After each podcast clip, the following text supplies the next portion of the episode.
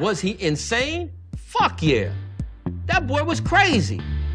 And he got a lot of people hurt.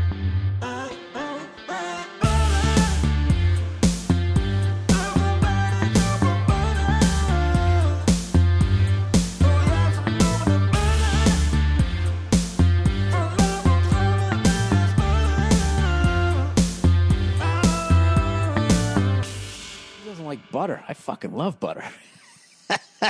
I fucking love it. What's up, motherfuckers? Welkom bij een nieuwe aflevering van de Zonder Tijd Podcast. Podcast waarin ik, Badder, niet alleen mijn eigen tijd, maar ook uw hele kostbare tijd ga verdoen met absolute onzin.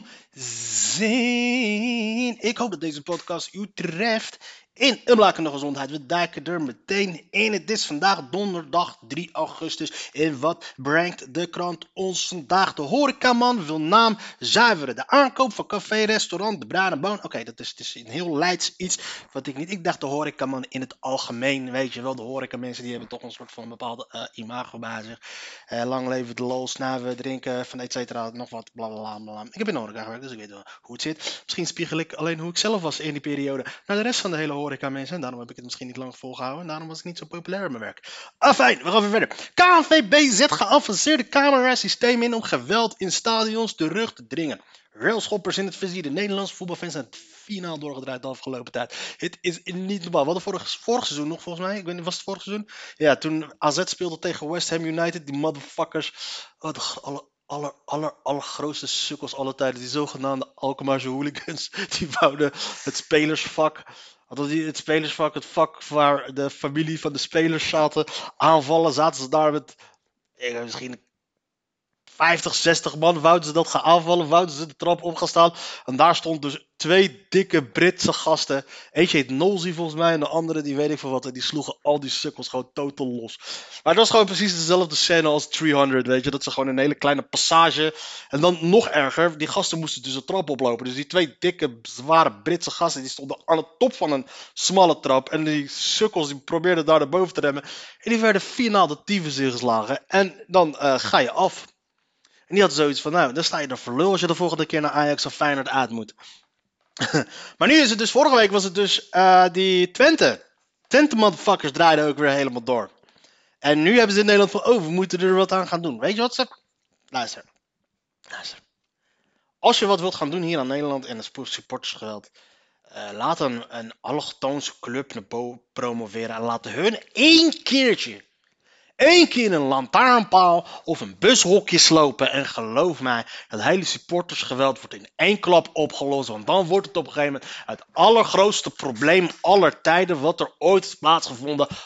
18 weken lang op de voorpagina's. één vandaag nieuwsuur. Hart van Nederland. Eh, RTL Boulevard. Allemaal openen ze daarmee voor 15 dagen achter elkaar. Ja, maar nu zijn het fucking tukkers. Tukkers, schattige tukkers met een lief, leuk, schattig accent. Bla bla, doe maar normaal, et cetera. Dat soort bullshit. En dan is het gauw weer morgen volgende, en de volgende dag weer eh, over tot de orde van de dag. Ik bedoel, van het weekend zijn er weer, zijn er weer het, het, seizoen begint binnenkort weer. Dan bleek de pleuris wekelijks uit ergens. Maar hey, fuck it. Hey, ik hou van een Robertje vechten. Te kijken. Achter mijn scherm. Railschoppers lopen komende seizoen in Nederlandse voetbalstadions een grote kans om razendsnel te worden opgespoord. Yeah, right. Met geavanceerde camerasystemen die met nieuwe technologie voetbalsupporters exact in beeld krijgen, denken KNVB en club de pakkans bij het misdragingen aanzienlijk te vergroten. Dat is de KNVB en de clubs denken dat te vergroten, maar deze krant brengt het als Ah, fijn. Fuck die motherfuckers. Carrière eert Ramses. Ramses Shaffi zou eind deze maand 90 zijn geworden. Alle grote redenen om een carré groots uit te pakken met een hommage waarin niet alle zangers meededen. Okay. Ramses Shaffi scheen dus een... Was het nou een Egyptenaar? Ramses. Oké, okay, had Farao Ramses sowieso. Dat was een Egyptenaar. Um, gaan we even kijken. Ramses Shafi. Geboren in Neuilly-sur-Seine, 1933. Oké, dat is heel lang geleden. Na een carrière jeugd. Ramses Shafi, koosnaam Didi, was geboren in de, als zoon van de Egyptische consul Ramses Shafi B. en de Poolse gravin Alexandra de Wizoka de van Russische afkomst. Ai, ai. De eerste zeven jaar afkomst Comtesse Romanov. Oké, dus hij was van de dus hij was familie van Anastasia. Dat is wel grappig, want dat is de Ro Romanov, het hele verhaal van Anastasia en Romanov. Voordat die werden uh, vermoord, opgehangen, weet ik veel wat, door, door Lenin en zijn kameraden. Pun intended, dat is wel fucking goede Lenin en zijn kameraden. De eerste zeven jaar van zijn leven bracht hij in Kant door bij zijn moeder. Lekker luxe leventje had je. En toen ging hij naar Amsterdam en toen werd je... Oké. Hoe is je de papaat gegaan? Uh, overlijden 5 mei 2009 werd bekend dat Shafi een slokdarmkanker. Oké, op die manier. Ik ken die naam wel, maar waar moet ik hem van kennen eigenlijk? Lees. Laat me. Is dat van een laat me noem maar gaan? Oké. Singles. 1, 2, 3, 4, 5, 6, 7, 8, 9, 10. Oké, okay, zing, vecht, haal, werk en bewonder. Oké. Hij heeft dus 10 liedjes gehad, waarvan er nooit eentje op nummer 1 heeft gestaan. Het hoogste wat hij ooit heeft gestaan was Sammy. Ik ken het niet meer, dus 2. Zing, vecht, huil, werk en bewonder. Dat is volgens mij zijn bekendste liedje. Dat, althans, ik, ken dat. Ze heeft op 21 gestaan. Dus waarom heeft hij zo'n lege, hele legendarische staatste waar hij maar 10 liedjes uh, heeft... Uh... Frans Bauer heeft het beter gedaan, denk ik. Afijn. Nou, hij zou deze week 9 staan geworden. Wiep, wiep, wiep, wiep, hoi. Maar hey, shout-out. Je bent gewoon familie van Anastasia. Cel dreigt voor Donald Trump. Dat is uiteraard ook nog een dingetje. Onze grote vriend, de vriend van de show, Donald J. Trump, is alweer aangeklaagd. Ditmaal voor uh, kennelijk. Uh, wordt hij beschuldigd van het aanjakkeren van de, uh, die 6 november, nee, 6 januari rellen. Oh, wat een heerlijke dag was dat. Ik werd die dag wakker. Althans, ik werd laat wakker. En toen zag ik dat gewoon op televisie. Ik zat de hele dag ernaar te kijken. Het was een van de allerbeste televisiemomenten aller tijden. Waar je echt gewoon gekluisterd aan de buis zat en dacht van... Wauw, wat gebeurt er nou weer? Pleuris in de USA. Hey, de pleuris in de USA. En dan gaan we door naar de volgende. Janus Cel dreigt voor Trump. Weer is het raak. Donald Trump wordt wederom aangeklaagd in de Verenigde Staten. Nu niet voor het betalen van zijgeld of spionage, maar voor het veroorzaken van de kapitoolbestorming en het beïnvloeden van de verkiezingsuitslag.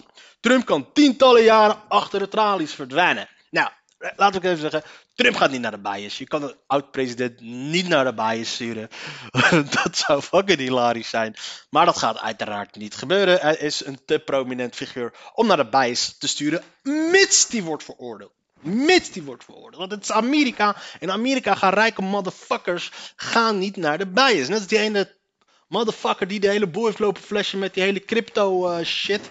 Uh, AFX. Ik, ik, heb het hele verhaal niet echt helemaal gevolgd. Maar een grote corruptie, fraude met, uh, met, met, met um, met crypto, een crypto-beurs of zo, die eigenaar daarvan, multimiljardair, donateur aan zowel de Republikeinse als de Democratische Partij, gigantische fraude gepleegd voor miljarden, wordt opgepakt. En de allergrootste, belangrijkste aanklachten tegen hem, waar hij volgens mij 599 jaar voor de bias in kan gaan, die worden ingetrokken.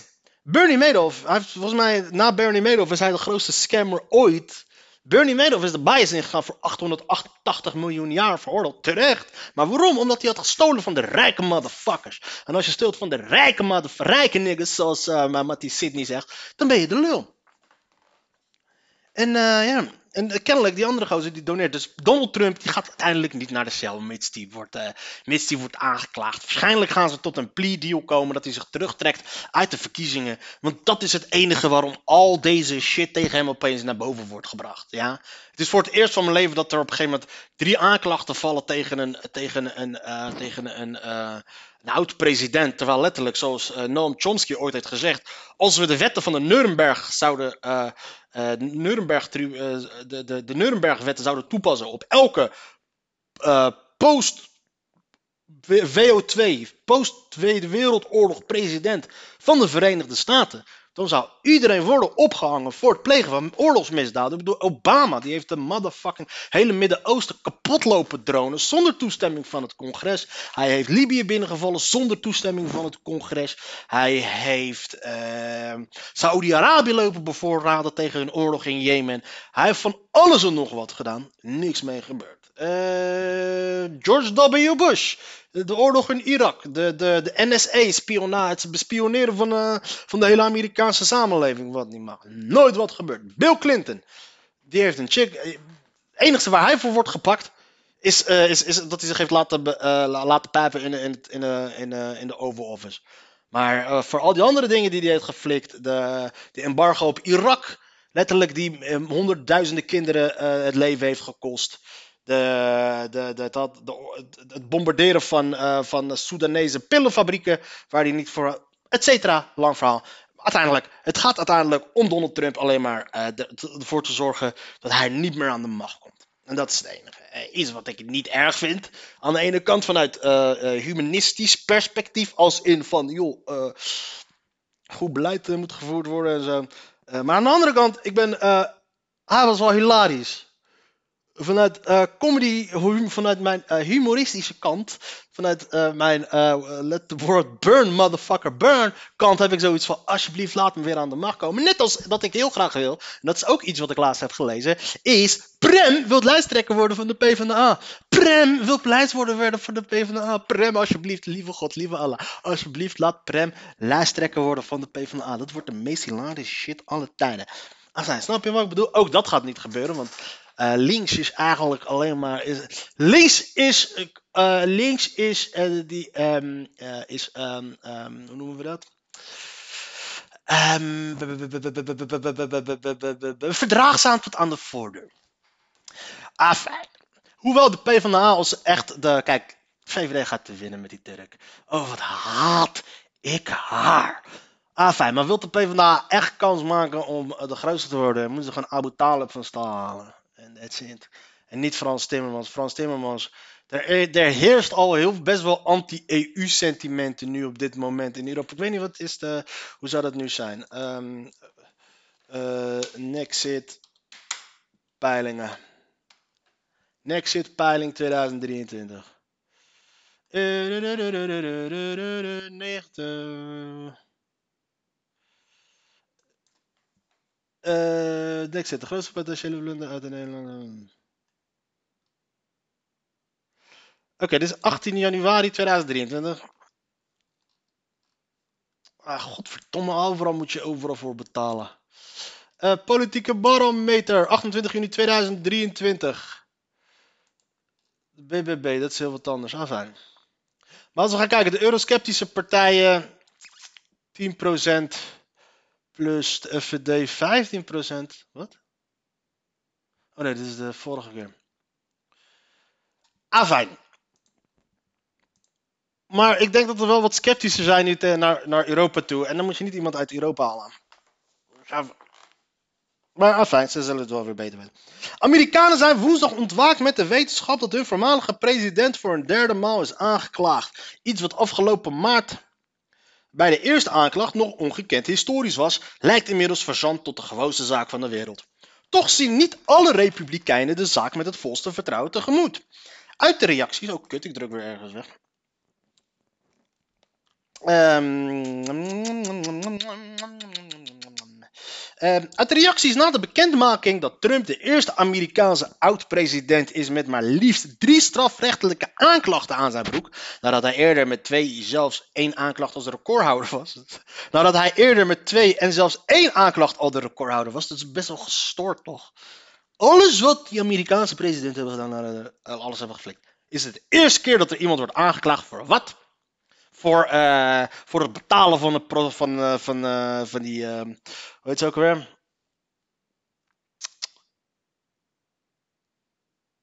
Die pornostar. En dan, voor wie nu zegt: Oh, zeg maar, jij weet niet de naam van een pornostar. Luister eens. Niemand zoekt, zoekt, zoekt pornosterren op hun naam op. We zoeken naar. heet dat naar features. dus. Eh, Stormy Daniels. Stormy Daniels, Daniels, Stormy Daniels. Snap je? Dus dat is toch best wel raar. Terwijl elke president, Amerikaanse president, is verantwoordelijk voor minimaal een half miljoen doden. Robuster, hoe het ook zij, de frequentie waarmee Trump de laatste vier maanden aanklachten aanhoort en wegwijft, zou bijna verbloemen dat de beschuldigingen aan het adres van de oud-president steeds robuuster zijn geworden. Daar was de eerste strafzaak nog slechts draaide om illegale zwijggeldbetalingen aan pornoster Stormy Daniels. Barry had gewoon door kunnen lezen en dan, had je, dan kwam je er achter zijn gekomen. Volgde in juni al de zwaardere en bovendien federale beschuldiging van het overtreden van de spionagewet door Trump. Oké, maar dat was wel een hele serieuze aanklacht. Die motherfucker had dus allemaal van die weet ik veel wat voor geheime nucleaire kerncodes gewoon in Mar-a-Lago rondslingeren. En dat is toch helemaal gestart. En, maar het voornamelijk belangrijkste deel van de klacht is volgens mij dat hem werd verzocht alles terug te geven. En dat hij heeft gezegd van, ik heb alles teruggegeven. Maar een of andere reden wou hij die geheimen gewoon bij zich houden of zo. Van... Juridische experts beschouwen de eerste zaak die diende voor de New Yorkse districtrechtbank over het algemeen inhoudelijk als vrij zwak. Een zogenaamde junk case.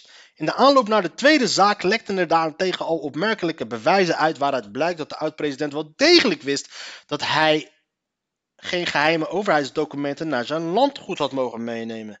Trump is onder meer op een belastende geluidsopname te horen waarin hij opschept papieren in handen te hebben die niet officieel zijn vrijgegeven. En nu is hij dus aangeklaagd voor de kapitoolbestorming. Deze week is de zwaarste en sterkste beschuldiging tot nu toe aan het bovenste, bovenstaande rijtje toegevoegd. Trump wordt vandaag om 10 uur Nederlandse tijd in de federale rechtbank in Washington verwacht, waar hij zal horen dat hij is aangeklaagd voor het proberen de verkiezingsuitslag van 2020 te beïnvloeden. En dat is best wel waar, want uh, kennelijk, je weet, in, in, in de Verenigde Staten werken ze dus met die kiesmannen. En dat is gewoon een heel oud concept, omdat het land was natuurlijk, is nog steeds gigantisch, maar vroeger was het eigenlijk nog veel groter. Ondanks dat het maar in eerste instantie maar 13 staten bestond, volgens mij. Maar als het dus werd gestemd, werd er gewoon op statenniveau gestemd. En die statenniveau, nou, eh, en die kiesmannen, daar werden dus de kiesmannen, en die kiesmannen gingen dus vanuit, dat waren dan de electorates.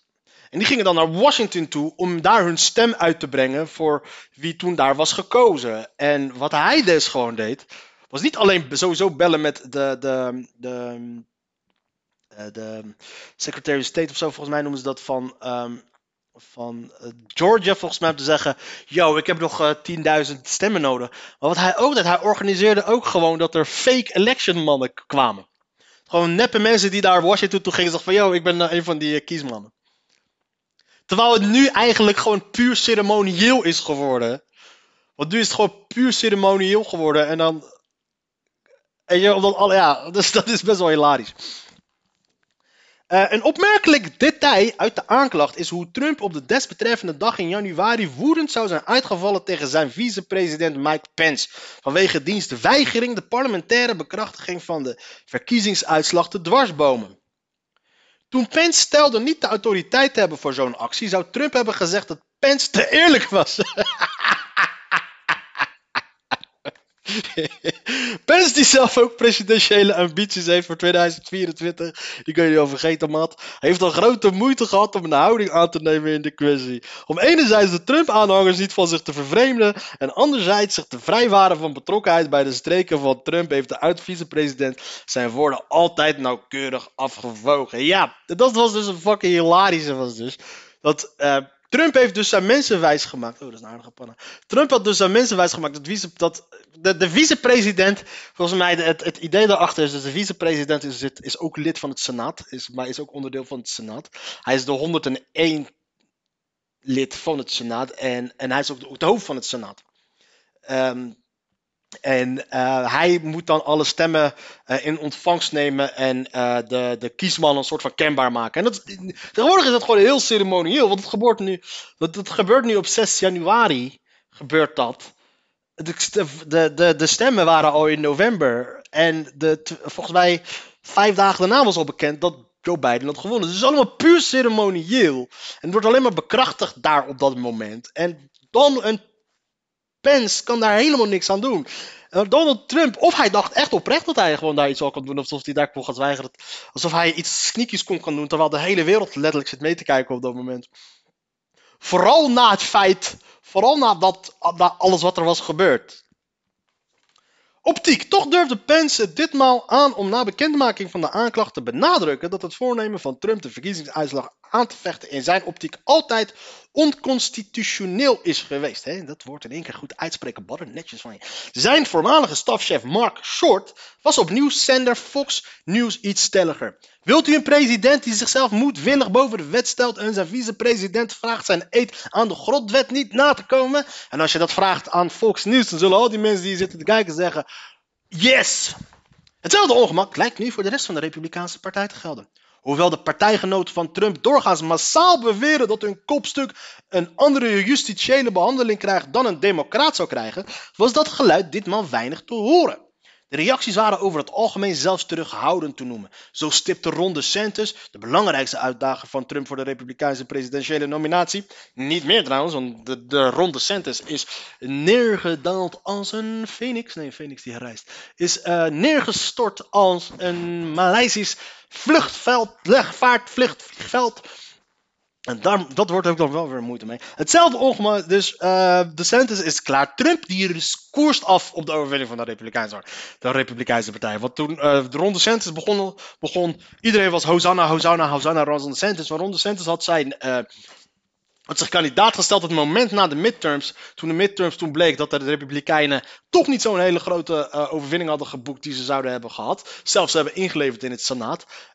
Ze, en alle door Trump um, de Trump uh, gesteunde kandidaten die verloren. Dacht hij van oké, nou dit is het moment om erin te springen. Wat, niet zo, wat inderdaad niet zo gek was. Maar wat gebeurde er? Kennelijk is Ron DeSantis een, een lege huls. Kennelijk is hij totaal niet zo interessant zoals iedereen dacht dat hij was omdat hij in Florida had, die kon hij lekker stoer doen, kon hij lekker vechten met Disney, kon hij lekker uh, go woke, go broke spelen en dat soort shit. Maar toen hij te maken, toen hij een voet zette in de ring met Donald Trump, wist hij zich geen houding meer aan te nemen. Deels om dezelfde redenen als wat er, uh, wat er, dus eerder, wat er eerder stond in dit artikel was dus. Trump is mateloos populair. En DeSantis was in die periode mateloos populair. En de helft van de mensen die wou dat, uh, de, van de Republikeinen wou DeSantis naar voren schuiven. De media sowieso, de rechtse, de conservatieve media. Maar de, de diehard aanhangers van, van Trump, die hadden liever dat DeSantis, omdat de DeSantis vicepresident zou zijn, kandidaat zou zijn met Donald Trump, omdat hij ook bij hun populair is. En um, dus Ron DeSantis kon geen oorlog lopen voeren. Hij kon geen. Kijk, Donald Trump mag doen en laten wat hij wil. Zoals hij ooit zei: ik ga op Fifth Avenue. Ik pop iemand uh, een, uh, een, een, een, balla in zijn in asser. En, en mijn fans zullen me nog steeds blijven steunen. Dus Donald Trump die begon nog steeds. En de media die begon steeds meer, meer de kant van DeSantis te kiezen. De Republikeinse kiezers begonnen steeds meer te neigen naar Ron DeSantis. Omdat ja, die verkiezings, die midterm aanslag, die kwam toch best wel hard aan bij de Republikeinen. Want ze hadden toch gehoopt dat ze van van Joe Biden een lame duck kandidaat zouden kunnen maken. Wat hij eigenlijk al de hele tijd al is. Dus toen bleek dat het eigenlijk een, um, zijn, zijn binnenkomst zorgde dus niet meteen voor een, een, een, uh, dat Trump zich terug zou gaan trekken. Trump heeft het laten uitzitten. Trump heeft het laten uitwachten. Hij heeft het momentum, hij heeft het momentum weggelaten. Het momentum die Ron DeSantis dus had na die midtermverkiezingen, heeft hij eruit weten lopen te zuigen. Omdat hij, Ron DeSantis, kon geen campagne voeren op dat moment. Ja, hij kon wel campagne voeren als in dit en dat, bla bla, maar hij had echt niemand om campagne tegen te voeren. Ja, behalve Joe Biden. Maar zijn echte, vijand, echte persoon die hij als eerste moest verslaan was Donald Trump. En zijn momentum zakte weg. En Trump die begon met steekjes te geven. Steekjes, steekjes, steekjes, steekjes. En daarna begon hij met de haymakers. Daarna begon hij met de rechts-linkse uithalen te komen. En nu is Ron DeSantis is nu gewoon helemaal klats. Hij heeft mensen moeten ontslaan. Uh, volgens mij driekwart van zijn mensen die, uh, die van zijn uh, campagneteam zijn weg. Ron DeSantis is platen. Bovendien wordt er nog een vierde aanklacht verwacht in de staat Georgia. En dat was dus hetgene wat ik net zei. Waar Trump na zijn nederlaag zou hebben geprobeerd lokale uitslag te manipuleren. Naast deze strafrechtelijke zaken zijn er nog een aantal civiele procedures. De bekendste gaat over schrijver Ijaker. Jezus, Donald Trump. Ze hebben gewoon echt de hele alles uh, van, yo, yo. de KNVB overrellen. Iedereen had er genoeg van. Oh, nu pas. Hoe lang mag de krasse knar doorgaan? Tattooartiest Henk Schiemacher werd deze week op tv aangekondigd als de oudste deelnemer die ooit aan de kennisquiz de slimste mens heeft meegedaan. Oké. Nederland hecht aan rechten migranten, ook na woestijndoden. Nederland blijft het belang van mensenrechten benadrukken waar het gaat om de omgang van Tunesië met migranten. Dat zegt de woordvoerder van het ministerie van Buitenlandse Zaken in reactie op de beelden van een moeder en haar kind die dood worden aangetroffen in de woestijn. Ja, dat is, dat is een statement waar je mee wel naar buiten moet komen. Maar we weten allemaal dat niemand interesseert. Griekenland wil gratis vakantie gedupeerde toeristen Rodos. Griekenland wil gedupeerde toeristen de Rodos na de hevige branden aan gratis vakantie aanbieden in 2024. Zo kunnen we garanderen dat mensen terugkomen naar het eiland om van de natuurlijke schoonheid te genieten, als wat er nog recht overeind staat. Goed zoeken naar vleermuizen verplicht bij isolatiewoningen. een collega van mij die had een, eh, had een ergens bij Zoeterwoude. En uh, toen ze net wouden gaan beginnen met bouwen, stond daar dus kennelijk een, uh, een, een, een vleermuizennest. En dan moesten ze wachten met bouwen. En dan had ik zoiets van, motherfucker, nou had die al deze hele fucking corona shit. En we beschouwen vleermuizen nog steeds als uh, beschermde diersoort. Huiseigenaren en isolatiebedrijven. Polen stuurt troepen naar grap van Lukashenko. Hoe oud is deze krant dan? Dit is gewoon een tijdje geleden gebeurd, nog niet? 3 augustus. De spanningen aan de grens tussen Polen en Belarus lopen op. Ja, natuurlijk. Oh ja, natuurlijk. Die oorlog is ook nog steeds bezig. Helemaal vergeten. Dat komt door een grap tussen aanhalingstekens van de wit-Russische president Alexander Lukashenko. Hij had een Oekraïnse achternaam toch? Over de strijders van de Wagnergroep in zijn land en een volgens Warschau althans schending van het Poolse luchtruim door wit-Russische helikopters. Polingen, Polingen, waarom zeg ik Polingen? Polen neemt het zekere voor het onzekere en stuurt extra troepen naar de grens met het buurland. Het lijkt een serieus dreigement van president Lukashenko tijdens een ontmoeting met zijn Russische ambtgenoot Vladimir Poetin vorige maand. Zie? Oh ja, daarom dacht ik dus. Ah, want ja, dit zei hij inderdaad vorige maand. Wagner-strijders willen op excursie naar Warschau. Duizenden van deze huurlingen, 30.000 zelfs als Lukashenko geloofd mag worden, bevindingen zich inmiddels in het wit-Russische grondgebied. Luister, motherfuckers, ik weet niet wat die motherfuckers aan het doen zijn. Deze oorlog duurt mij nog echt een tijdje iets te lang. Dus Um, Oké, ik zie dat we alweer 26 minuten uh, bezig zijn. Dus het is nu tijd om koppen snellen, koppen snellen, koppen snellen, koppen snellen. Welkom bij koppen snellen. Koppen snellen uh, is een rubriek wat ik net heb bedacht waarin we gewoon gaan razen door de krant zodat we alles hebben doorgenomen. Lijkt alsof het klassieke zomervee, zomerweer zijn vergeten. Organisaties, evenementen worstelen met slecht weer. Poetin naar Turkije om graanduw te redden. Stefan van Baarden wilde bij de verkiezingen denk aanvoeren. Doodstraf naar bloedbad. Wrakingen in Zak Tadic. Wie is Tadic? Nog niet de Dusan De advocaat van een van de verdachten van de mislukte overval op uitvoerballen. Oké. Okay. Acropolis, zeker wraken van de rechter omdat hij uh, een seizoenskaart van Ajax is. Acropolis laat nog maximaal 20 uh, schakelen aan het hand verliest automaat. Oekraïners weten van niks. Celstraf voor aanwezigheid illegale sigaret, sigarettenfabriek in Leiden bij Schiphol. Oké. Okay. Werkstraf voor A12 blokkade Extension Burkellion. Ontknoping thriller pas mogelijk in oktober als Omtzigt partij opricht. Dus dames en heren, de verkiezingen komen eraan. Dat wordt dus heel interessant. Misschien in het kader van de verkiezingen die binnenkort eraan komen, wordt het misschien wel een idee om um, de podcast wat langer te maken, zodat ik de wereld kan. Um, zodat ik mijn kennis, mijn politieke gochme, mijn politieke inzicht, mijn politieke talenten kan delen met de wereld. Want ik ben een meester hierin. Kankerdodende pil. Klaar voor test op mensen. Oké. Wat is dit? Een kankerdodende pil waar de Amerikaanse wetenschappers al 20 jaar aan werken. Hmm, Oké, nice. Prostaatkanker, nice. Dan geen vingers meer mensen staan. Indexen in de min naar lagere kredietstraat. Senioren domineren Capitol Hill. Ja, dat is waar. Mitch McConnell, die was, uh, dat is de leider van de Republikeinen in het Senaat, die viel last. Uh, die kreeg een brain freeze. Die, uh, hij, ging, hij ging nog niet glitchen, maar hij, hij liep vast. Goudjacht op alle fietsen. Teamsprinters werken. Dit is het sportkatern. Ajax de opvolger van Van de, van de Sar bij AZ. Oh ja, AZ is, uh, Van de Sar ligt toch kennelijk in, nog in het ziekenhuis. Uh, Shout-out naar Zuid-Afrika voor het verslaan van de Italianen. Uh, voor het, en een shout-out naar Jamaica voor het verslaan van de Brazilianen. Vrouwen-WK mensen, niemand boeit het, maar dat was wel grappig. Marokko speelt zo trouwens. Ik weet niet of ik daarna ga kijken. Elke dag maken we een winnaar bekend. Pap, ben jij een crimineel? Uitgekotste Leidse horecaondernemer wil naam zuiveren. Ik wil alleen mijn naam zuiveren, zei voormalige horecaondernemer Raymond Mullemeester woensdag tijdens een rechtszaak bij de Raad van State. Oh, hij staat van de Huis van de Bruine Boon. De Bruine Boon is een, eh, een, een zeer gewaardeerde establishment hier in Lenen. Eh, er is weer wat mis in de torenhoge storingsflat. Dus laat het dorp vertellen onze zegeningen. Wat is dit? Waar is dit? Nou, dames en heren, eh, voor iedereen die uh, nu nog steeds aan het luisteren is naar deze podcast. Uh, ik wil je hartelijk bedanken voor de steun. Ik wil je hartelijk bedanken voor uh, de interactie. Maar ik moet je toch adviseren om wat beters met je taart te gaan doen. Want dit is en blijft namelijk wel gewoon zonde van je taart. De podcast.